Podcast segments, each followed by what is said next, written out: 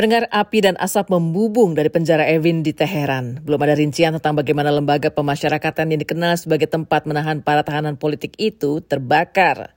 Kebakaran itu dibayangi demonstrasi jalanan yang sesekali disertai aksi kekerasan di Republik Islam itu. Dan kini sudah memasuki bulan kedua.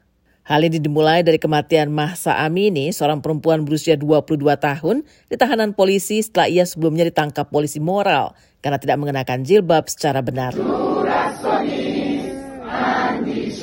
Pihak berwenang merilis video yang mengklaim bahwa Amini pingsan di pos polisi dan memicu serangan jantung yang fatal.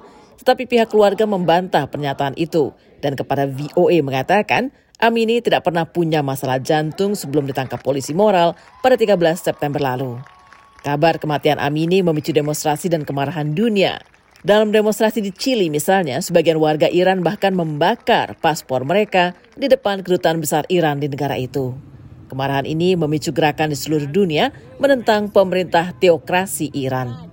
Berbicara di Irvine Valley Community College di California, Presiden Joe Biden mengatakan, Iran has to end the violence against its own citizens simply exercising their fundamental rights. Iran harus mengakhiri kekerasan terhadap warga negaranya sendiri yang semata-mata hanya menjalankan hak-hak dasar mereka.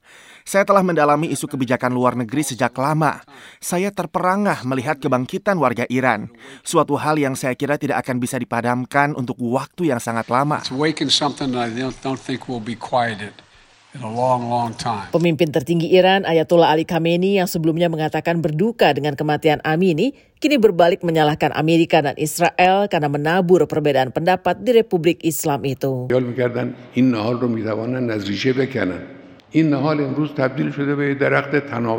Ia mengatakan demonstrasi itu tidak akan menghancurkan dasar-dasar negara itu.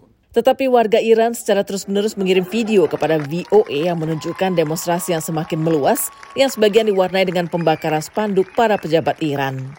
Salah satu video menunjukkan nyanyian dari atap-atap gedung Matilah Diktator, sebutan bagi pemimpin tertinggi Iran. Sebagian demonstran yang ditahan di penjara Evin diketahui memiliki dui kewarganegaraan dengan negara-negara afiliasi Barat.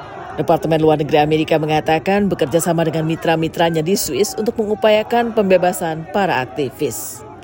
Demikian laporan tim VOA.